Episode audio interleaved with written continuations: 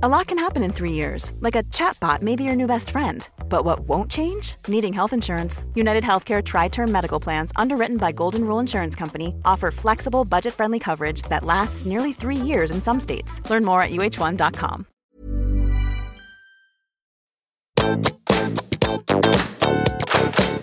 Hei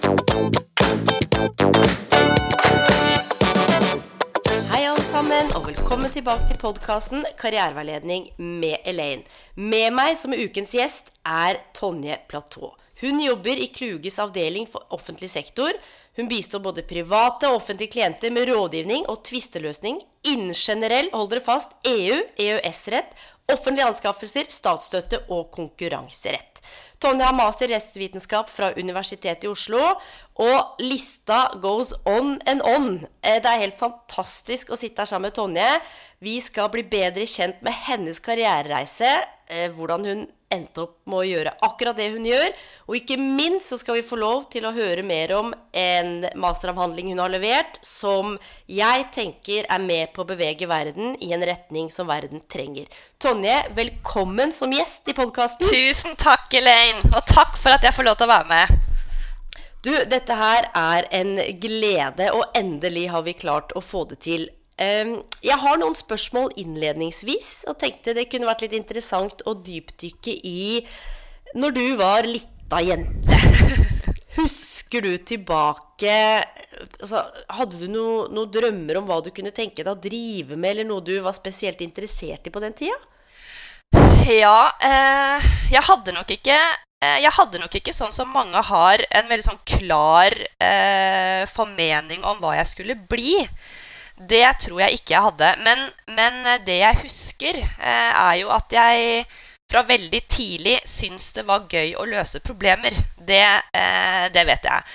Eh, jeg syns det var gøy å ta ansvar. Eh, begynte sikkert tidlig å ta litt for mye ansvar med at jeg mente at jeg var den på, på barneskolen som skulle løse alle konflikter.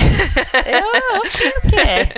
jeg var nok den som som var, eh, hadde en ganske sånn eh, rettferdighetssans i at hvis det, var, hvis det var ett barn som fikk melding hjem for eh, å ha gjort det X, så var det sånn at eh, et annet barn også måtte få melding hjem for å ha gjort det samme eh, to uker etterpå. Og da, da var jeg nok den som sto og banka på døra til rektor og skulle, skulle, skulle løse opp i det.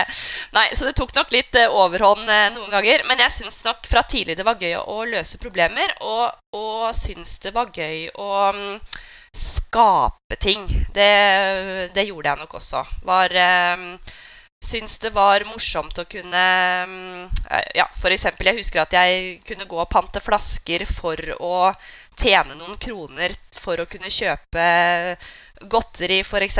Og så lagde jeg en kiosk eh, av den etterpå og solgte godteri for litt mer penger enn det jeg hadde kjøpt det for. For å kunne En liten kremmer, En altså. liten kremmer. Men eh, Ja. nei, sånn at jeg, det, var- det var nok ikke noe klar formening om hva jeg skulle bli, men det var nok eh, Med tanke på at jeg havna innenfor jussen, så ser jeg jo at det var noen eh, At det absolutt var eh, noe der fra jeg var liten som matcher veldig med det, uten at jeg eh, hadde noe formening om at det var dit jeg skulle. Ja, og det er dette som er så fascinerende for meg som eh, har brukt over ti år på å lytte til og liksom extract eh, karrierehistorier og lage karriereportretter og jobbe med karriereveiledning. Dette som Søren Kirkegård sier så fint, at livet må leves forlengs, men forstås baklengs. Eh, og det kan jo være ulike ting som er med på å påvirke hvilke retninger vi går. Og da, eh, så hvis jeg har forstått det riktig, så var det ikke sånn at hjemmefra så var det Tonje, nå er jussen, dette er veien for deg å gå, dette må du gjøre. Hvordan Var det noe, eh, kanskje i ungdomsårene, videregående, var det noe snakk om noe ønsker fra familie om hva som var lurt, eller hva som var smart, eller kjente du at det her er du litt sånn fri sjel til å utforske og oppdage på egen hånd?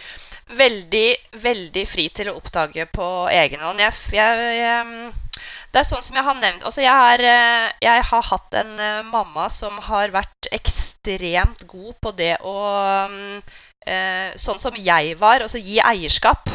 Hun har veldig sjelden eh, forsøkt å overkontrollere det som jeg har gjort. Um, og for meg så passa det veldig bra, sånn som jeg er. Det trenger ikke å passe for alle. Mens for meg så har nok det gjort at jeg har aldri følt på at det har vært eh, noe som helst jeg har gjort som har vært eh, fordi hun f.eks. har tenkt at jeg skal i en viss retning. Men hun har, nei, så hun har alltid mm, gitt mye eierskap, og det har gjort at jeg har følt veldig eierskap på det jeg har gjort, deriblant også det å begynne på jussen. Jeg, var, jeg begynte jo ikke på jussen før jeg var eh, 26 år. Og det er dette her jeg liker. Og dette her er et ekstremt viktig poeng. Både fordi jeg nå er i møte med helt nye jusstudenter gjennom å jobbe eh, med å utvikle karrieretjenester og karriereveiledning ved Universitetet i Oslo. Eh, og også møte eh, sisteårsstudentene som avslutta, som lurer på hva gjør jeg nå. Eh, og akkurat dette med at man har så dårlig tid, og man må rett på hva, hva er det som gjorde at du eh, i en alder av 26 kjente det Jeg skal ikke si kald, men hva er det som gjorde at den beslutningen ble til? For du hadde jo da eh, holdt på med andre ting før det som ikke var relatert til juss? Ja, det er um, jeg Altså, når jeg var ferdig på videregående, så hadde jeg en eh, plan om å enten Altså, jeg hadde lyst til å ta et friår eh, å jobbe. Det var det jeg husker at jeg hadde lyst til. Jeg hadde, jeg hadde lyst til å ta et friår, eh, og så hadde jeg lyst til å reise litt eh, før jeg skulle finne ut av hva jeg skulle bli når jeg ble stor. Eh, og helt tilfeldig så satt jeg hjemme i eh, huset mitt på Hamar, der jeg er fra, og så så jeg en annonse om å begynne å jobbe som selger i Elixia. Og eh, jeg visste jo ikke hva, hva, det var. Og fra Hamar så hadde vi ikke akkurat eh, sånne fasiliteter eh, på det tidspunktet. Eh, der, der het treningssentrene mer eh, Tuvas og, eh, og, og, ikke fancy ord som Elixia. Nei, så jeg begynte der, og egentlig kun for, for å flytte til Oslo og prøve noe helt annet. Men så var jeg såpass heldig at jeg kom inn da i, den, i det selskapet når det hadde vel, hva skal man kalle det, litt sånn eh, Espen Askeladden-tid. Altså, da var vi ganske små eh, og var i en utfordrerrolle og skulle eh, ta verden med storm. Og de var utrolig gode til å også satse på unge, ikke nødvendigvis eh, Altså rett fra videregående Eh, folk som begynte der, og som hadde nok lyst til å, til å gjøre jobben. Og det gjorde faktisk at jeg Altså, jeg fikk lov til å gjøre så mye gøy der, og ble der i syv og et halvt år. Så jeg, eh, ja, så jeg hadde Og der hadde, fikk jeg lov til å ha min første lederjobb. Og uh, fikk lov til å kjenne på å være en del av Ja, å ta noe fra et sted til et annet. Som var kjempe kjempegøy. Så det med jussen kom egentlig inn fordi at altså I den bransjen der, da, med salg, markedsføring, ledelse, så er det jo på ingen måte, mener jeg det, det, her er sikkert mange meninger om, men jeg mener jo at innenfor der så er det jo ikke det at du har en utdannelse som gjør at uh, du er god. Uh, på, på ingen måte. Men for meg, når jeg satt der i den prosessen etter å ha vært der i så mange år, så begynte jeg å kjenne på at det var noe i bredden eh, som jeg også hadde mer lyst på og var mer sulten på. Eh, og det var nok også fordi at jeg mm, Da tenkte jeg både på juss, men jeg tenkte også på mm, økonomiutdannelse. Eh, det, det, det å, eh, å, forstå mer av ja, mer av helhetsbildet, da, og, og også kunne tre inn i helt andre roller. Så det var der jussen kom inn i bildet, eh, som gjorde at jeg på et tidspunkt tenkte at hvis jeg ikke går nå eh, og begynner, så kommer jeg heller aldri kanskje til å gjøre det. Og da begynte jeg på jussen da jeg var 26, og har virkelig ikke angra på det. det. For meg var det veldig riktig å, å gjøre. Mm. Ja, og det er så fascinerende fordi eh, flere ting, da. Nå har det kommet ut eh, en ganske sånn lang avhandling om hvordan 40% har valgt eh, Altså 40% angrer på utdanningen sin. Det skrives om eh, opp og ned i mente, eh, og hvor vanskelig det er å ta valg. Og det er, jo, det er jo mye som er kompleks, og så tror jeg av og til at noen av narrativene vi skaper, også gjør det veldig vanskelig. Eh, og alt skal være så riktig. Og jeg tenker at det, det, du beskriver nå, er jo et bevis på at det er ikke bare en lineær karrierevei. Og tenk deg også, dette blir litt sånn ledende, men de sju og et halvt årene hva det også har gitt av en sånn slags plattform, da. Å kunne ta med seg inn Så tenker man sånn Ja, men hva har det salg altså, hva, hva har dette her med juss å gjøre? Men alt henger jo sammen med alt. Ja, ja. Og, og, og jeg, altså, jo, mer, jo mer jeg ser av, eh, av resten av verden med tanke på arbeidsliv, eh, jo mer tenker jeg jo at også salg finner du i alt.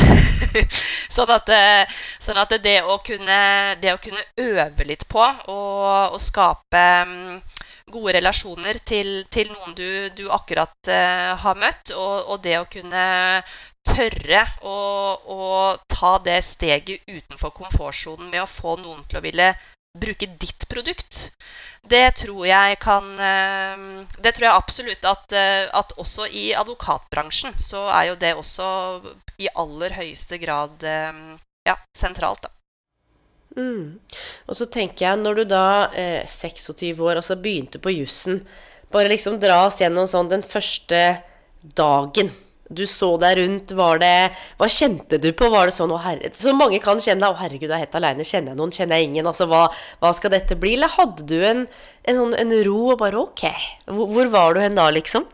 Ja, eh, da tror jeg jeg var i eh, Bare i det at dette blir spennende. Altså jeg syns jo det er veldig gøy med det som er nytt, og som man ikke nødvendigvis helt vet eh, utfallet av. Eh, da kjenner man at man lever litt, tenker jeg. Eh, og at man eh, ja, ser, hva, ser, hva, dette bringer. Og sånn var nok den innstillingen jeg gikk, eh, begynte der. Eh, og så hadde jeg jo Altså, vi møtte jo verdens beste faddergruppe der, og vi er, vi er fortsatt, vi er fortsatt kollokvie, vi. Selv om vi, ikke, selv om vi ikke går på jussen lenger nå. Sånn at der, der var det Og det er uavhengig av alder. Det, og det, det, tenkte jeg også på når jeg starta, fordi mange har jo spurt om det.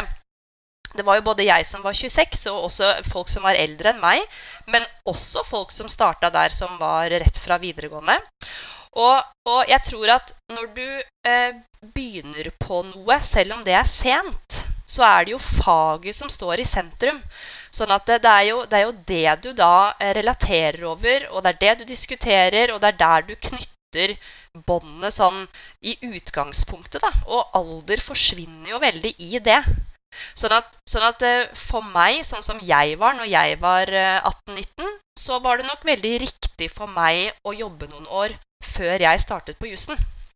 Men i aller høyeste grad så har jeg jo møtt folk på jussen som starta rett etter videregående, som det, det, var også helt riktig for. Sånn at, sånn at, eh, mens for meg så var det nok veldig fint å kunne ha noe annet og no, noen flere knagger å henge, å henge det på når jeg, når jeg starta. Sånn at uh, ja. Det kan jeg relatere til. Husk at jeg tok en mastergrad i en alder av 34. Eh, og ble jo gravid underveis også. Eh, og fødte og fortsatte. Eh, og du har jo også har vel hatt noe familieforøkelse innimellom der, eller? Ja, jeg fikk to barn mens jeg gikk på jussen. Kan ikke du si litt om det? Nå skal ikke det ta hovedfokus, men jeg har lyst til å på en måte debanke noen av disse mytene med at man må finne ut av hva man skal gjøre rett etter videregående, man må vente med å få barn, det går ikke an. Um, var det planlagt, eller hvordan på en måte gikk det seg til, da? I forhold til å, å ja, planlegge rundt det, da?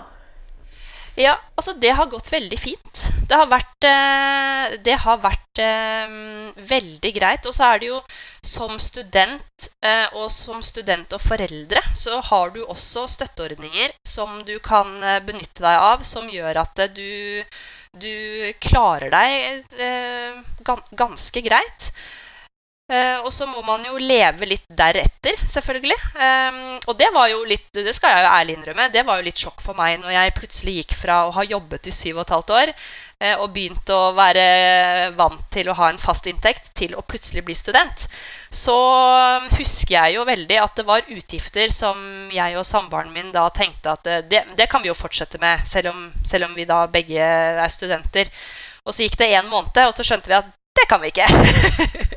Så. Det tenker jeg også er verdifull erfaring. Eh, og, du er inne på noe som er så viktig nå, særlig dette med karriere, studie. Det kan ikke ses på som isolert fra andre områder i livet. Det påvirker økonomi, nære relasjoner, fysisk helse, psykisk helse, ikke sant. Fritid, personlig utvikling, hobbyer. Så alt her henger jo sammen med alt. Og det å eh, for lytterne, da, for liksom konkretisere og ta med seg disse refleksjonene. Og jeg liker særlig nå hadde jeg lyst til å understreke dette med den innstillingen din um, som jeg lytter etter, og som du beskriver hvordan du gikk inn i første dagen i jussen med uh, hvordan man opplever at ok, her må vi gjøre noen justeringer. Um, jeg vil ikke si en slags sånn uh, positivitet, men mer sånn konstruktiv tilnærming til ja, men dette her kan vi rigge til på noe vis. Um, der hvor mange kanskje frykter, fordi jeg tror veldig ofte, eller det jeg har opplevd, da jeg kan snakke fra egen erfaring i møte med mennesker, så blander man følelser og fakta og antagelser. Eh, det er ingen som vet åssen det er å gå på jussen eh, før man har begynt på jussen og gått der. Men noen kan jo si 'nei, jeg liker det ikke, det er vanskelig'. Og så bare 'nei, du Berit sa det Nei, da begynner jeg ikke, det er ikke noe for meg'. Hvordan vi lar oss fange i andres selvfortellinger. Eh, og det er det jeg liker sånn med deg, da. Eh, at du for meg så liksom modig eh, troa og på en måte tester ut. Mm. Og hvis det ikke går, så kan man alltids gjøre noe annet. Sånn at eh, jeg tenker jo at eh, hvis, man, hvis, man, har ordentlig lyst til noen ting, eh, så, så, må man, så, må man, også tørre å prøve. Og, og, går det ikke, så går det ikke. Og det er ikke verdens undergang, det heller. Sånn at det er, eh, og, så, og, sånn tror jeg jo vi tenkte når vi fikk vårt første barn eh, på jussen. Altså både jeg og samboeren min har vært studenter begge to i hele, i, gjennom de to eh, svangerskapene og permisjonene og sånn. Og, og, hver gang så har vi nok gått inn med det med den innstillingen at det, nå, får vi, nå, får vi, se hvordan dette går. Og, og, når vi fikk barn, så var jo det åpenbart det viktigste. Da var jo det, det viktigere enn at man skulle um, gjennomføre den eksamen akkurat i august, eh, seks måneder etterpå. Sånn at, eh, så jeg tror vi um, ja, litt fleksibilitet da, rundt, eh, rundt, målene sine. Eh, og at man lar seg eh, navigeres litt underveis og endre. Og det betyr ikke at man ikke får det til. Det betyr kanskje bare at akkurat den gangen tok det litt lengre tid. Mm. Og at det er ok. Og det er litt av det som også er Du liksom understreker bare hele intensjonen med denne podkasten her, at veien blir litt til mens man går. Og jeg blir også litt nysgjerrig på, da eh, vi, skal komme, vi skal bli litt bedre kjent med deg, og så skal vi over til eh, litt sånn de store perspektivene på samfunnet og det du er, har skapt, du er i ferd med å skape også, som er svært viktig. Men er det noe du har eh, gjort eller oppnådd sånn karrieremessig, om det er familiært eller sammenheng, som du er veldig stolt av, som på en måte ingen veit. For man kan jo se en, en, masteravhandling, og man kan se at her er det en master i rettsvitenskap, og vi har gjort det. Men hva er det du kjenner på som du er sånn ekstra stolt av, som på en måte det ikke har vært rom for å trekke fram, eller det har ikke, det ikke passa seg å løfte det fram noe sted? Hmm, ja um, Litt vanskelig spørsmål. Jeg er litt usikker på hva som egentlig er svaret på det. Jeg tror, jeg tror jo oppsummert, det som jeg er mest stolt av og mest fornøyd med, er, er kanskje egentlig det vi nettopp har prata om. Altså det at, har, det at man har klart å forsøke å beholde en sånn innstilling eh, til det hele. At eh, selv, om det, selv om det blir mange baller i lufta, og selv om det noen ganger kanskje ikke går helt som planlagt, så fortsetter man, da. Uh, og, at man, uh, og at man, ja, tør å stå i det um, og tenker at uh, dette får jeg til. Så jeg tror uh, Ja, jeg, ja, jeg tror, tror kanskje det er, det er, det som jeg vil I hvert fall top of mind, som jeg tenker på. Mm. Ja, for meg, når du beskriver det, så er det sånne ord som eh, resiliens eller sånn slags robusthet, da. Um, som slår inn når jeg tenker at eh, alt det du har beskrevet nå i forhold til en innstilling Dette er en sånn inspirasjon som de også lytter. Fordi det kan høres ut som et sånn supermenneske, men du er jo et vanlig menneske du også, på lik linje med alle andre. Men det har handla litt om hvordan man har organisert og tenkt, og det er på en måte mulig for de fleste, da. Og i en forlengelse av det så er jeg litt sånn nysgjerrig på hva er det verste karrieretips eller karriererådet du har fått hvis du har rådført deg med noen, eller noen har sagt sånn Ja, men Tonje, du er jo sånn, eller du bør ikke gjøre det, eller Er det noe som på en måte comes to mind? Ja. Um, der også er det det som gjør at det der er litt vanskelig å svare på, er fordi at jeg tror at jeg har helt sikkert fått, fått masse dårlige karriereråd, men jeg tipper at de har jeg tenkt har vært så dårlige, så de har jeg ikke tatt med meg i hodet mitt. Sånn at jeg, jeg tipper at eh, jeg nesten ikke hadde klart å komme på det. Men jeg kan jo Jeg vet jo veldig godt hva som er de beste karriererådene jeg har fått. For det var mitt neste. og, og jeg tror Altså allerede fra, jeg, det, jeg, begynte jo å jobbe tidlig. Jeg syntes det var gøy å jobbe. Eh, så jeg har, jeg har, vært så heldig og hatt mange gode ledere og eh, veldig mange gode forbilder eh, opp igjennom. Men det er allerede fra når jeg var Jeg, jeg begynte å jobbe i en bokhandel eksempel, når jeg var 16 år på Hamar og hadde en helt fantastisk sjef eh, som het Annebjørg Rød. Og hun tok inn da oss 16-åringene inn i bokhandelen og ga oss masse ansvar. Og, og stolte på oss. Eh, og hun husker jeg sa til meg veldig tidlig at eh, man må jobbe hardt. Og så må man tørre å gjøre det selv. Og hvis man har lyst til å ta plass, da gjør man det. Tar du ikke den plassen, så er det noen andre som tar den. Eh, og, jeg, og det, var, det, var, viktig for henne da, å, å, um, å, gi oss troen på at eh, hvis vi hadde lyst til å gjøre noe selv, skape noe, eller hva det nå skulle være, da, så, så måtte vi tørre å jobbe hardt og gjøre det sjøl. Staut hedmarking var hun. Staut hedmarking. Og så er det jo um, ja, så, så har jeg jo vært kjempeheldig og hatt mye gode forbilder på, mm, på jussen. Sånn som det å, det å bruke jussen til noe samfunnsnyttig. Eh, og det å mm, Ikke nødvendigvis at det er direkte karriereråd, eh, men mer forbilder som har gjort at, har, at, jeg har gjort det til et karriereråd selv. da. Mm. Vi har to, det er to professorer på jussen som, som, jeg helt fra starten av f.eks. har vært kjempefascinert av. Vi har en Bendikte Benedicte Moltmyr, Høgberg på, på jussen og Beate Sjåfjell, som er to professorer. Kjempesterke kvinner som, som man allerede fra starten av første semester har sett at uh, her, det, her tør man å stå frem og, og tør å bruke jussen til noe som er større enn seg selv. Og, det, og ikke at det er et direkte karriereråd, men det har gjort såpass, gjorde såpass stor innvirkning på meg. Så jeg tror at det også har vært med på å forme litt hvordan jeg selv har tenkt at jeg vil gå min karriere, og hvordan man vil bruke jussen. Ja, og dette her Nå beveger vi oss over til del to, som handler om altså, miljøkrav eh, i offentlige anskaffelser.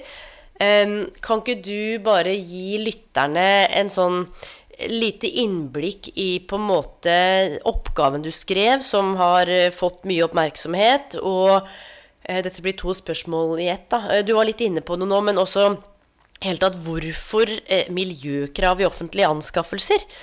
Det Og så kan det være at jeg lurer på noen ting, eller hvis det er noe jeg ikke skjønner, eller stopper opp. Men gi oss et litt sånn bakteppe nå for del to som vi skal inn i, eh, som handler om noe som er ekstremt viktig både for skattebetalerne sin penger, for miljøet og for Norge, og kanskje i globalt perspektiv også.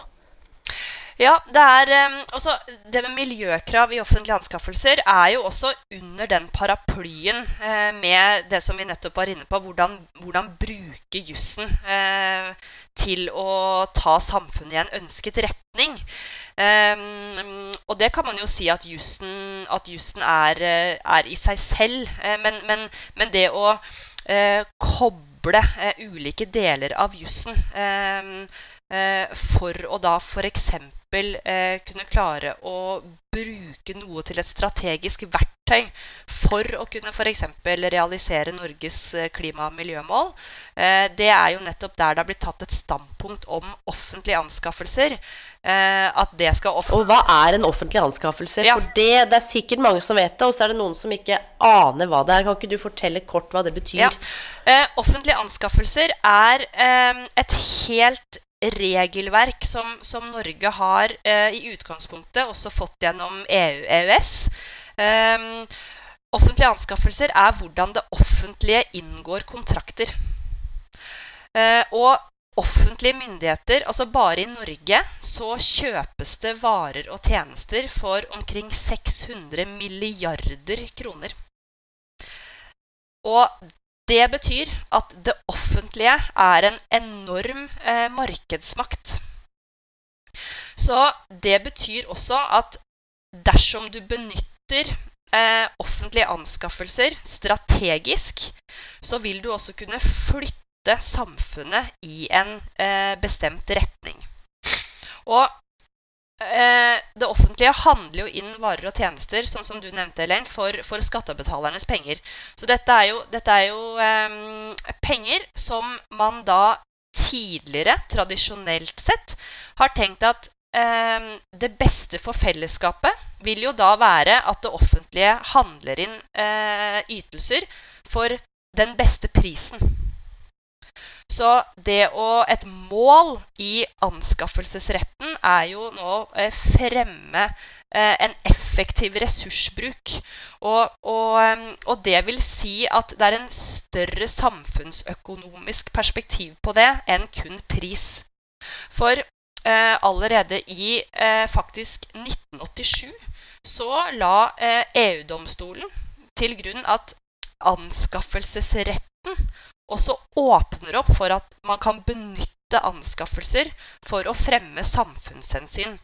Og det trenger ikke, det trenger ikke kunne være klima og miljø. Det kan være eh, eh med tanke på eh, eh, altså sosial dumping, men, men, men, menneskerettigheter. Yes. med tanke på å sikre et anstendig arbeidsliv. Sånn at, det, sånn at det, her har du også andre samfunnshensyn enn klima og miljø. Men det var, men det var klima og miljø eh, som jeg da eh, kretsa meg inn mot, fordi at i 2017 så fikk vi en innstramning i det norske regelverket som gjelder nettopp det å stille miljøkrav i offentlige anskaffelser.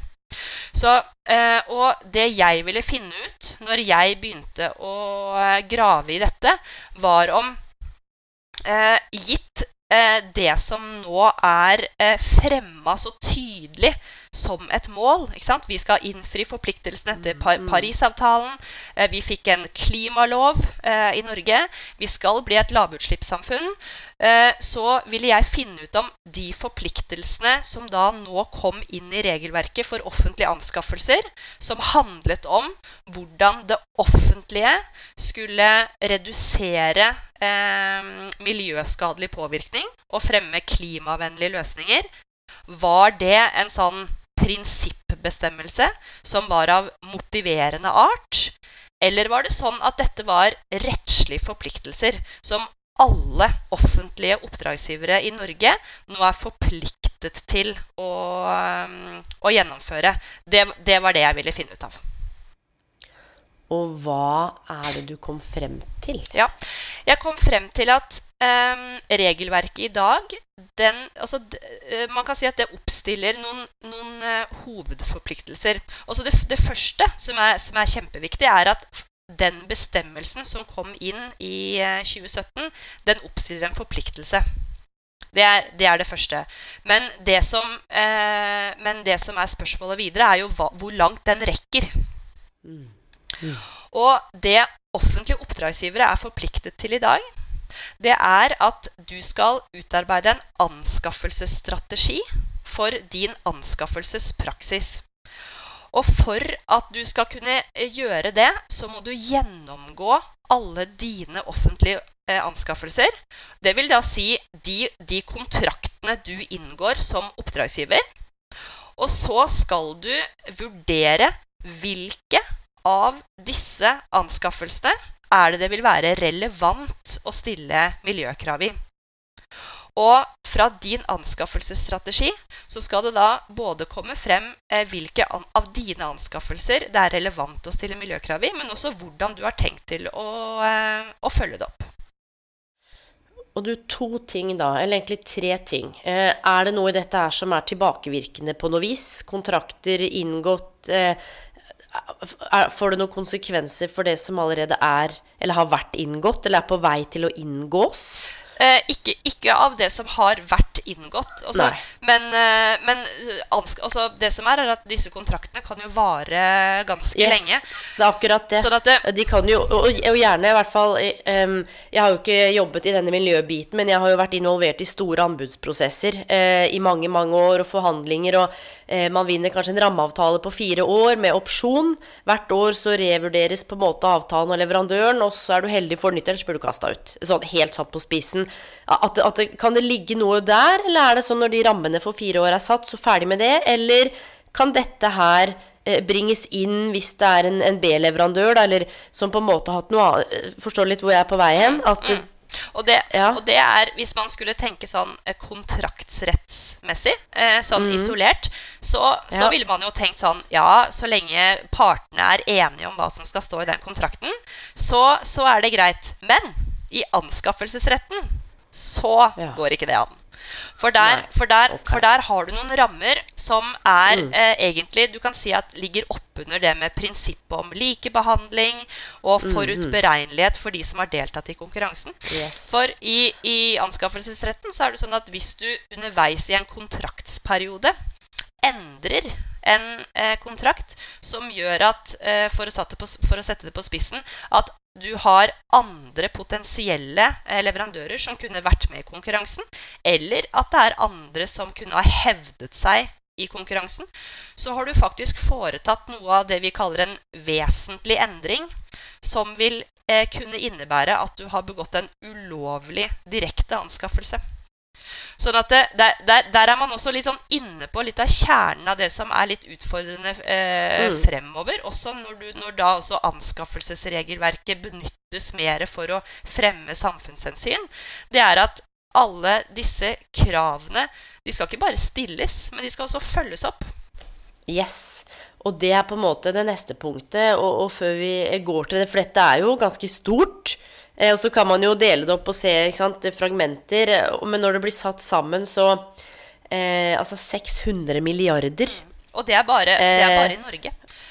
Ja, eh, ikke sant? Og, og, og, da hvis vi fortsetter i, i Norge, så tenker jeg eh, Det du beskriver nå, og særlig det du har forska på og undersøkt, og det du snakker om med miljøkrav eh, Litt tilbake til lytterne. Mannen, kvinnen, hen. Altså i gata. Hva betyr dette for eh, de, og hvorfor jeg spør? Det handler jo nettopp om at jeg har vært på den siden eh, hvor jeg har jobbet med nettopp sosialt arbeid, velferdssamfunnet, arbeidsliv, inkludering, fellesskap, integrering.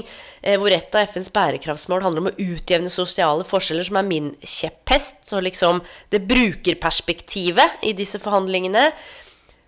Men hva har dette her å si for de som lytter, liksom. De betaler skatt, og så ok, hvorfor skal jeg bry meg om dette her, eller hvorfor er jeg interessert i dette? Jeg jobber jo ikke med dette, eller jeg vet ikke, jeg tar jo bussen til jobben og holder på med greiene mine. Hvorfor skal jeg hva, What's in it for me med dette her? Mm. Ja, altså, jeg tenker jo at um Uh, vi, vi, alle uh, tar jo den bussen, uh, eller går, går, forbi en byggeplass med en tanke om at dette fungerer sikkert helt flott. Men, men her så er, jo, um, så er, det jo, noe å være litt bevisst på hva det offentlige gjør med, med markedsmakten sin. Eh, og hvordan man også da kan bidra mer som, som eh, Altså oss i gata, som også da kan, kan stille, stille, krav eh, ja. til, til, til, hva Du har f.eks. Det syns jo jeg er veldig spennende. Du har f.eks. En, en miljøinformasjonslov. Og i miljøinformasjonsloven så har enhver enhver, altså hvem som helst, har rett til å kunne etterspørre eh, relevant miljøinformasjon fra, eh, fra det offentlige. Um, sånn at disse anskaffelsesstrategiene, f.eks., um, som, som jeg er jo veldig for at det skal det må, det må, komme tydeligere føringer også på hva som kreves nettopp av denne anskaffelsesstrategien, for at det også skal være forutberegnelig for oppdragsgiver og enkelt å, å faktisk gjennomføre det her. Jeg tror jo, jeg tror jo at det, de aller, absolutt aller fleste oppdragsgivere ønsker jo nettopp å gjennomføre grønne offentlige anskaffelser. Men der, har, eh, der, der, er det jo sånn at de må også ha forutsetningen for å kunne gjøre det. Ja, og så er det litt sånn som du sa også, at pris har hatt betydning, eh, og er av betydning, selv om på en måte det av og til eh, ikke nødvendigvis er uttalt at det vektes, så er det jo pris sammen med flere parametere. Og jeg likte så godt um, vi var inne på hvordan på en måte dette her nå ikke likestilles med pris, men hvordan dette her blir et viktig parameter, hvor det før handla om uh, det økonomiske og skattebetalende rimeligst mulig penge, hvor vi nå ser på på en måte kode rød, da. Uh, hva er det som er i ferd med å skje, og noe må skje? Og én ting er liksom å starte her, for det er jo her du har starta. Eh, og jeg tenker at du er i en posisjon nå med både oppgaven din og der du eh, jobber med det du gjør, eh, som en av de som på en måte er i ferd med å bevege verden eh, til noe viktigere og til noe større. Og det håper jeg du kjenner på selv òg. Dette er ikke et litt sånn flåste kompliment, men dette her Jeg håper du også ser at dette her er viktig.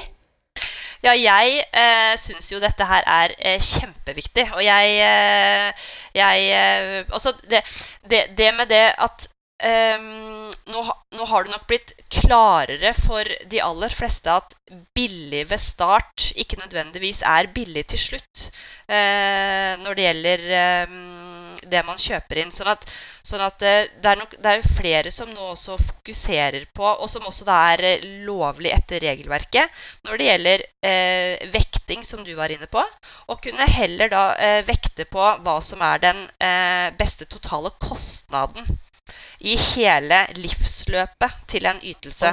Og, det, og det, er også en det er også Og kjipe de var. oh, ja. det er, eh, og det også er jo en er jo en endring som har skjedd. Eh, grunnen til at det kom inn i vårt regelverk, er fordi det kom nye eh, direktiver fra EU i 2014 Ehm, som da likestilte det med kostnads Altså hva, den, hva, som er den totale kostnaden. Det at du da kan ta, eh, vurdere på det som man kaller livssykluskostnader. Eh, så det vil også være eh, det som ytelsen medfører eh, av f.eks. Eh, klimagassutslipp, og hva, og hva ehm, hva vil, hva vil, kostnaden på dette være dersom levetiden på ytelsen kun er to år? Jo, da må den, da må den byttes ut. Eh, og det vil også koste mer penger til slutt, selv om prislappen innledningsvis var eh, billig. Sånn at, sånn at eh, det jeg råder eh, klienter hos oss til når man vurderer det å kun vekte pris, så er det jo sånn at dersom du står overfor en ytelse der hvor eh, du kan ikke si at noe annet faktisk vil kunne være relevant, eh, som du sikkert kan si kan være litt vanskelig å si i, i dag, men da, det er nesten også der du kan si at det da vil være eh, det du, skal, det, du skal, vekte. Men bare det når du skal begynne å vurdere hvilke kvalitative forskjeller eh, du vil kunne si at det er på leverandørene, så er du eh, bare der. Eller det at du ser at denne ytelsen vil også kunne medføre seg medføre helt andre kostnader også underveis i livsløpet. Det kan være på produksjonsstadiet, det kan være på, som er knyttet til leveransen. Så er du allerede over i det å ikke eh, egentlig vurdere og vekte kun pris, eh, tenker jeg.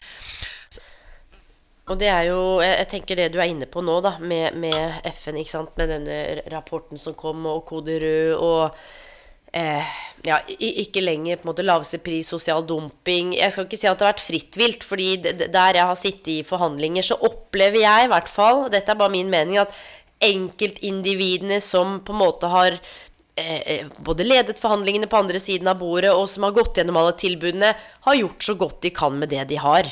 Og det er også et sånt spørsmål eh, jeg har, ikke et spørsmål, men en sånn refleksjon eh, Hvem sitt ansvar er det, i hvilket ledd og i hvilken linje, å vite akkurat dette her og eh, ikke sant? Er, er, det på ledernivå? Er det sant, det juridiske i selskapet? Hvordan Og her kommer det også hvordan dette her kommuniseres. For en ting er at jeg hører at dette er sånn det er, og det er dette prinsippet av 2017, men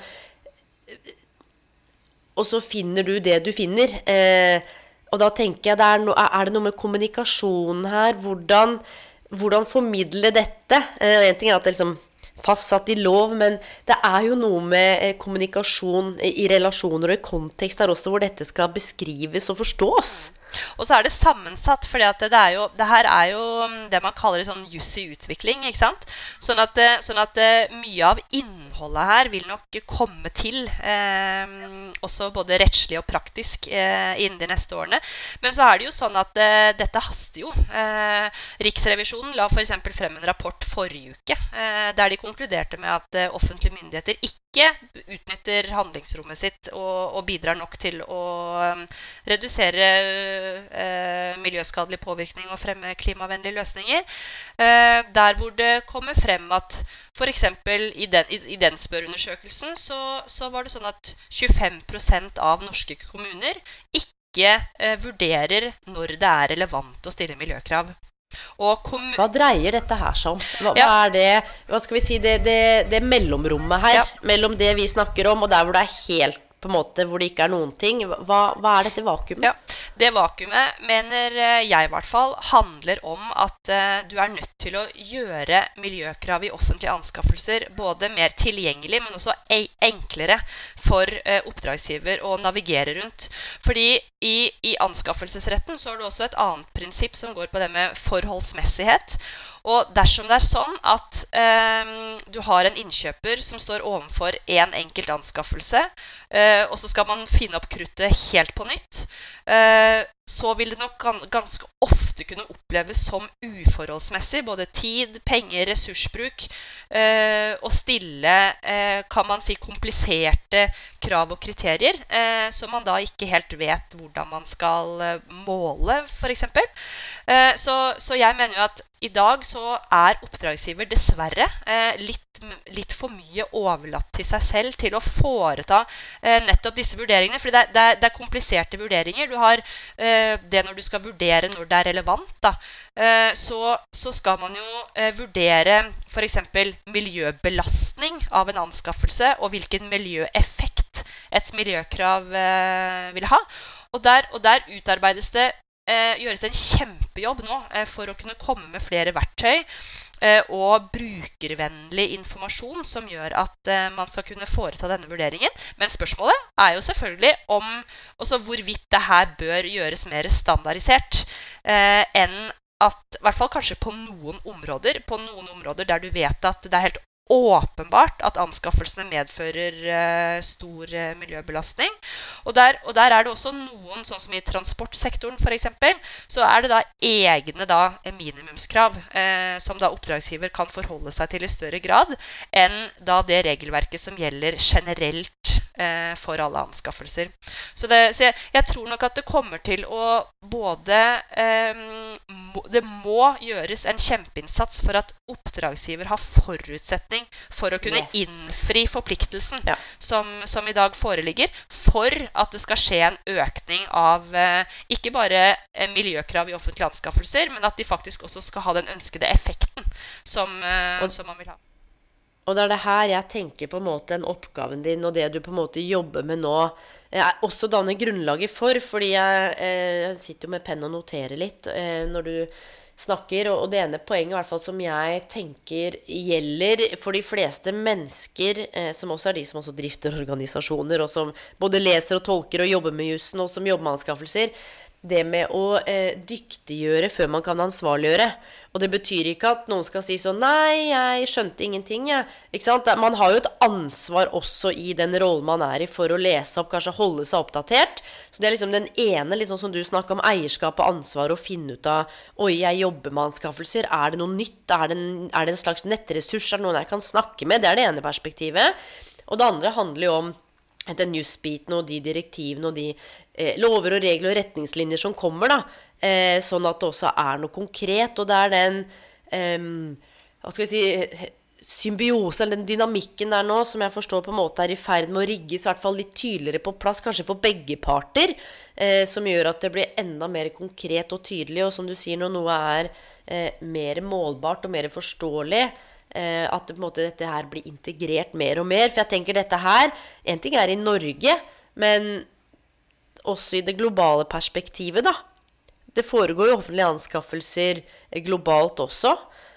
Er det en del av deg som har liksom sett til utlandet, eller finner noen prosesser der spennende, hvor du ser at dette kan du løfte ut til nabolandene våre eller andre deler av verden? Som en liksom slags stupestort perspektiv? Ja, du har sånn som innenfor, uh, innenfor EU, og EU og EØS, så har jo da um, landet gjennomført det samme direktivet i sin nasjonale rett. Um, sånn at der har du, uh, der har du uh, mye lignende, men samtidig når det gjelder akkurat dette området så har også medlemslandene et, eh, et, stort eh, handlingsrom for hvordan man selv mener at det er eh, egnede tiltak da, for å kunne sikre at miljølovgivning etterleves i gjennomføringen av offentlige anskaffelser. Ehm, så der ser du jo mm, det er flere som går fra kan-krav til skal-krav.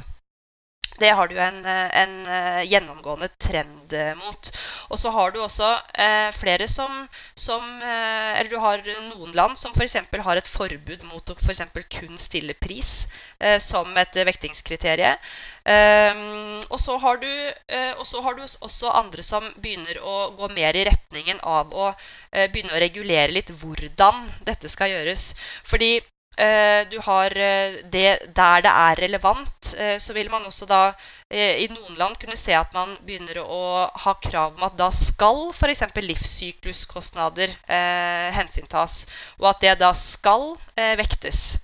Men, men, ja, og der har du jo um, nok kanskje like mye meninger som eh, Altså det, det, med at det, forskjellen mellom om krav skal stilles, og hvordan de skal stilles, eh, er også en, eh, en forskjell. fordi at det, hvordan, der skal du også forsøke å hensynta oppdragsgivers fleksibilitet i det hele. ikke sant?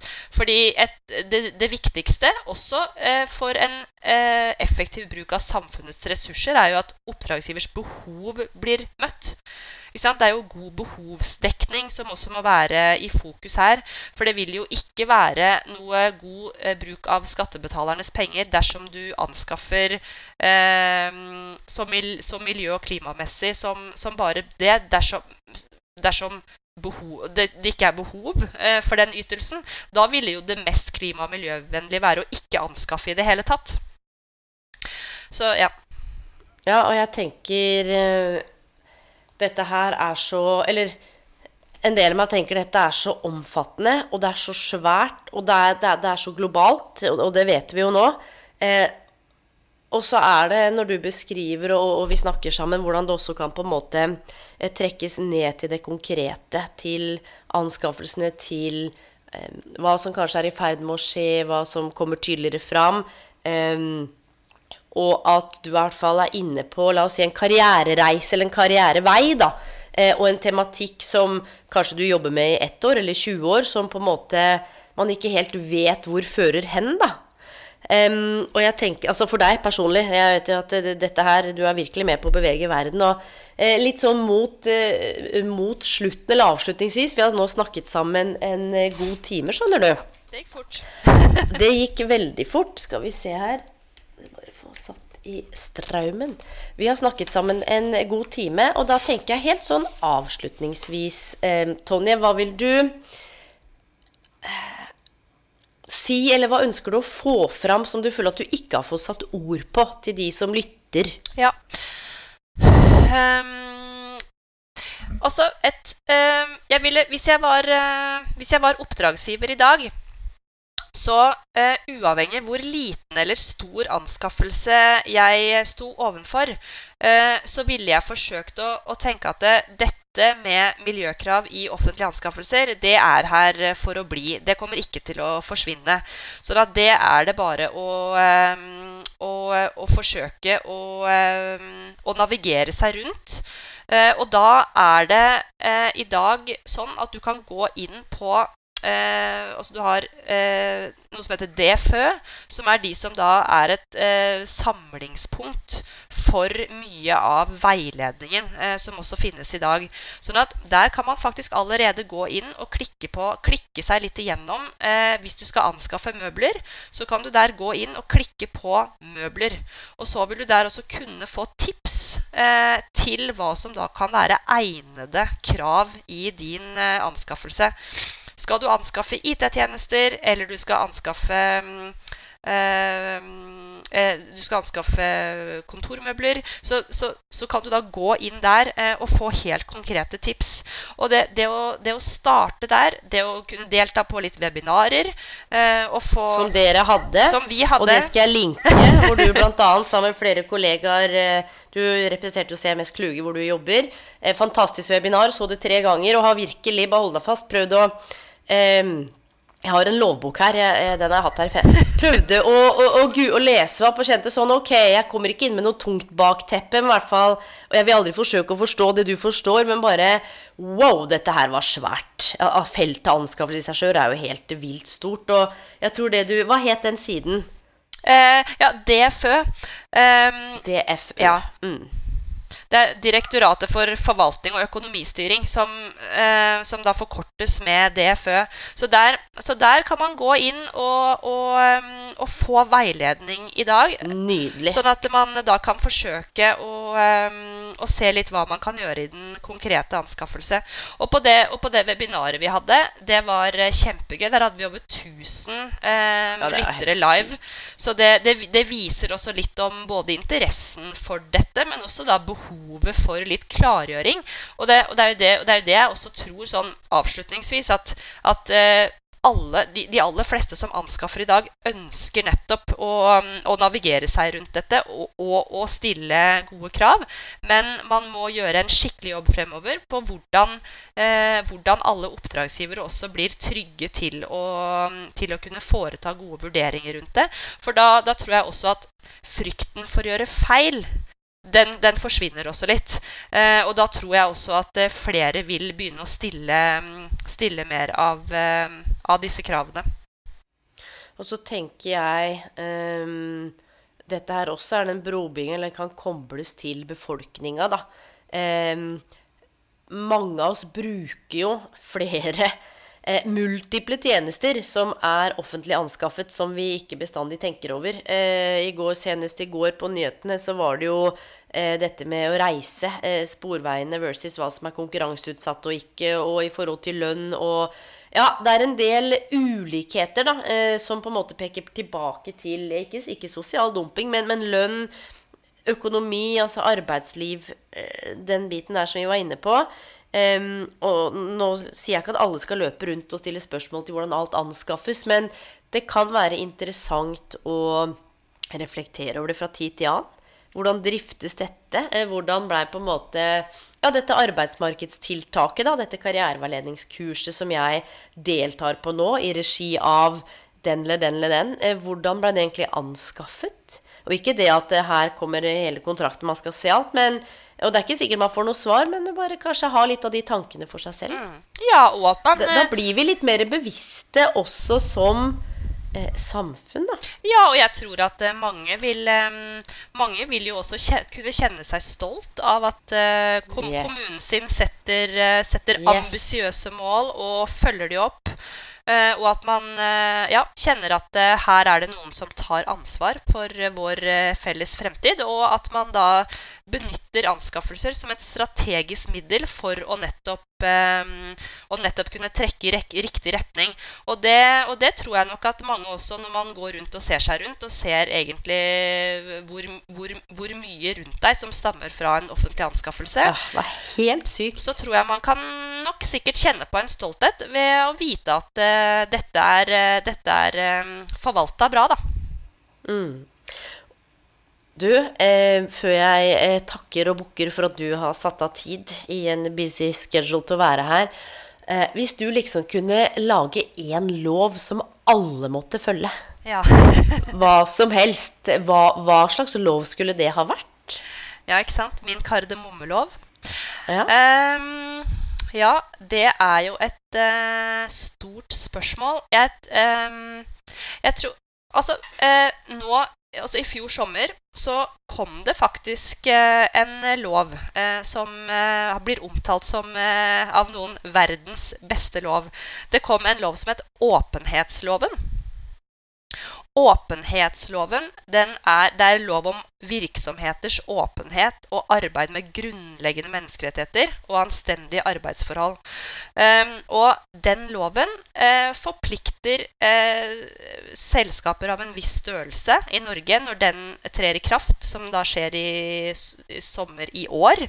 Eh, til å nettopp eh, foreta f.eks. For aktsomhetsvurderinger eh, med hva som skjer i sin egen leverandørkjede knyttet til menneskerettigheter og, og anstendige arbeidsforhold. Den loven trer i kraft i år, i juli. Sånn at den den, den, loven, litt det samme som det temaet som er inne på her, med miljøkrav i offentlige anskaffelser, gjør jo nettopp det samme. At man ser norske virksomheter av en viss størrelse, eh, og alle eh, for den saks skyld, mm, mm. Eh, har muligheten til å benytte sin markedsmakt til å sikre, eh, sikre menneskerettigheter og anstendige arbeidsforhold. I den loven, jeg, jeg, tror svaret på spørsmålet ditt er i den loven, i forberedelsen av den, så var det diskutert om klima og miljø også skulle inn i, i den. Det, eh, det, sånn ble det ikke. Eh, det kom ikke inn i første omgang.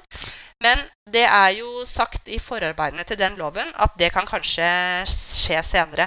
Så jeg vil svare på spørsmålet ditt er at dersom klima og miljø innarbeides i åpenhetsloven, og den utvides både med tanke på pliktsubjekter, eh, og at den følges opp og at den eh, etterleves, så tror jeg kanskje det vil være svaret på at eh, det ville vært loven. Det er den villeste avslutninga jeg har hatt på podkast. Jeg tror dette er episode 108 eller 109, så det bare Åpenhetsloven, wow. Tonje, eh, tusen takk for tiden din og refleksjonene, altså det konkrete, det evidensbaserte, det, det personlige. Det var en sånn fin eh, blanding og et innblikk i flere aspekter av deg som menneske, eh, rollen din eh, som du har hos CMS Kluge, og jeg er ganske sikker på at det er flere enn meg som er svett under armene, er inspirert og kjenner på en sånn Ja, dette her, dette her skal jeg følge med på, og, og, du har vært å følge med på, Tonje. Hvor er det vi kan finne ut av mer om deg? Er det noe artikler, noe linkt? Hvor er det ja. Hvor kan vi finne deg? Jeg har eh, Jeg publiserte en artikkel eh, nå for noen måneder siden eh, som er basert på masteroppgaven. Som er den liksom ja. kortere versjonen av det. Hvis man ikke vil lese en stor avhandling på 100 sider, så kan man lese en på 15. Eh, og det er en artikkel som er i et tidsskrift som heter Lov og rett. Eh, hvor, da, hvor, jeg da eh, Hovedfokus i artikkelen er, er, å egentlig forsøke å, um, å si hva den rettslige forpliktelsen uh, går ut på eh, om miljøkrav i offentlige anskaffelser. Så den er det Jeg linker den, ja. Ja, gjør det. Det er kjempehyggelig. Jeg linker den i, eh, i teksten. Jeg linker webinar i teksten. Um, og ja, oppgaven din kan de jo da finne, for du sa du hvor var. Tonje, hjertelig takk. Og til deg som lytter, hvor enn du er i verden, om det er morgen, kveld Ja. Eh, den episoden har jeg høre flere ganger sjøl. Ja, ja, men den er så viktig. Så Tonje, takk for at du prioriterte å bli med. Og jeg håper vi snakkes eller våre veier krysses på en eller annen måte. Takk skal du ha. Tusen takk for at jeg fikk være med, og for at du satte av tid til eh, et kjempeviktig tema med miljøkrav i offentlige anskaffelser. Det er helt topp. Du, takk. Ha det godt, da. Ha det, Elaine. Ha det.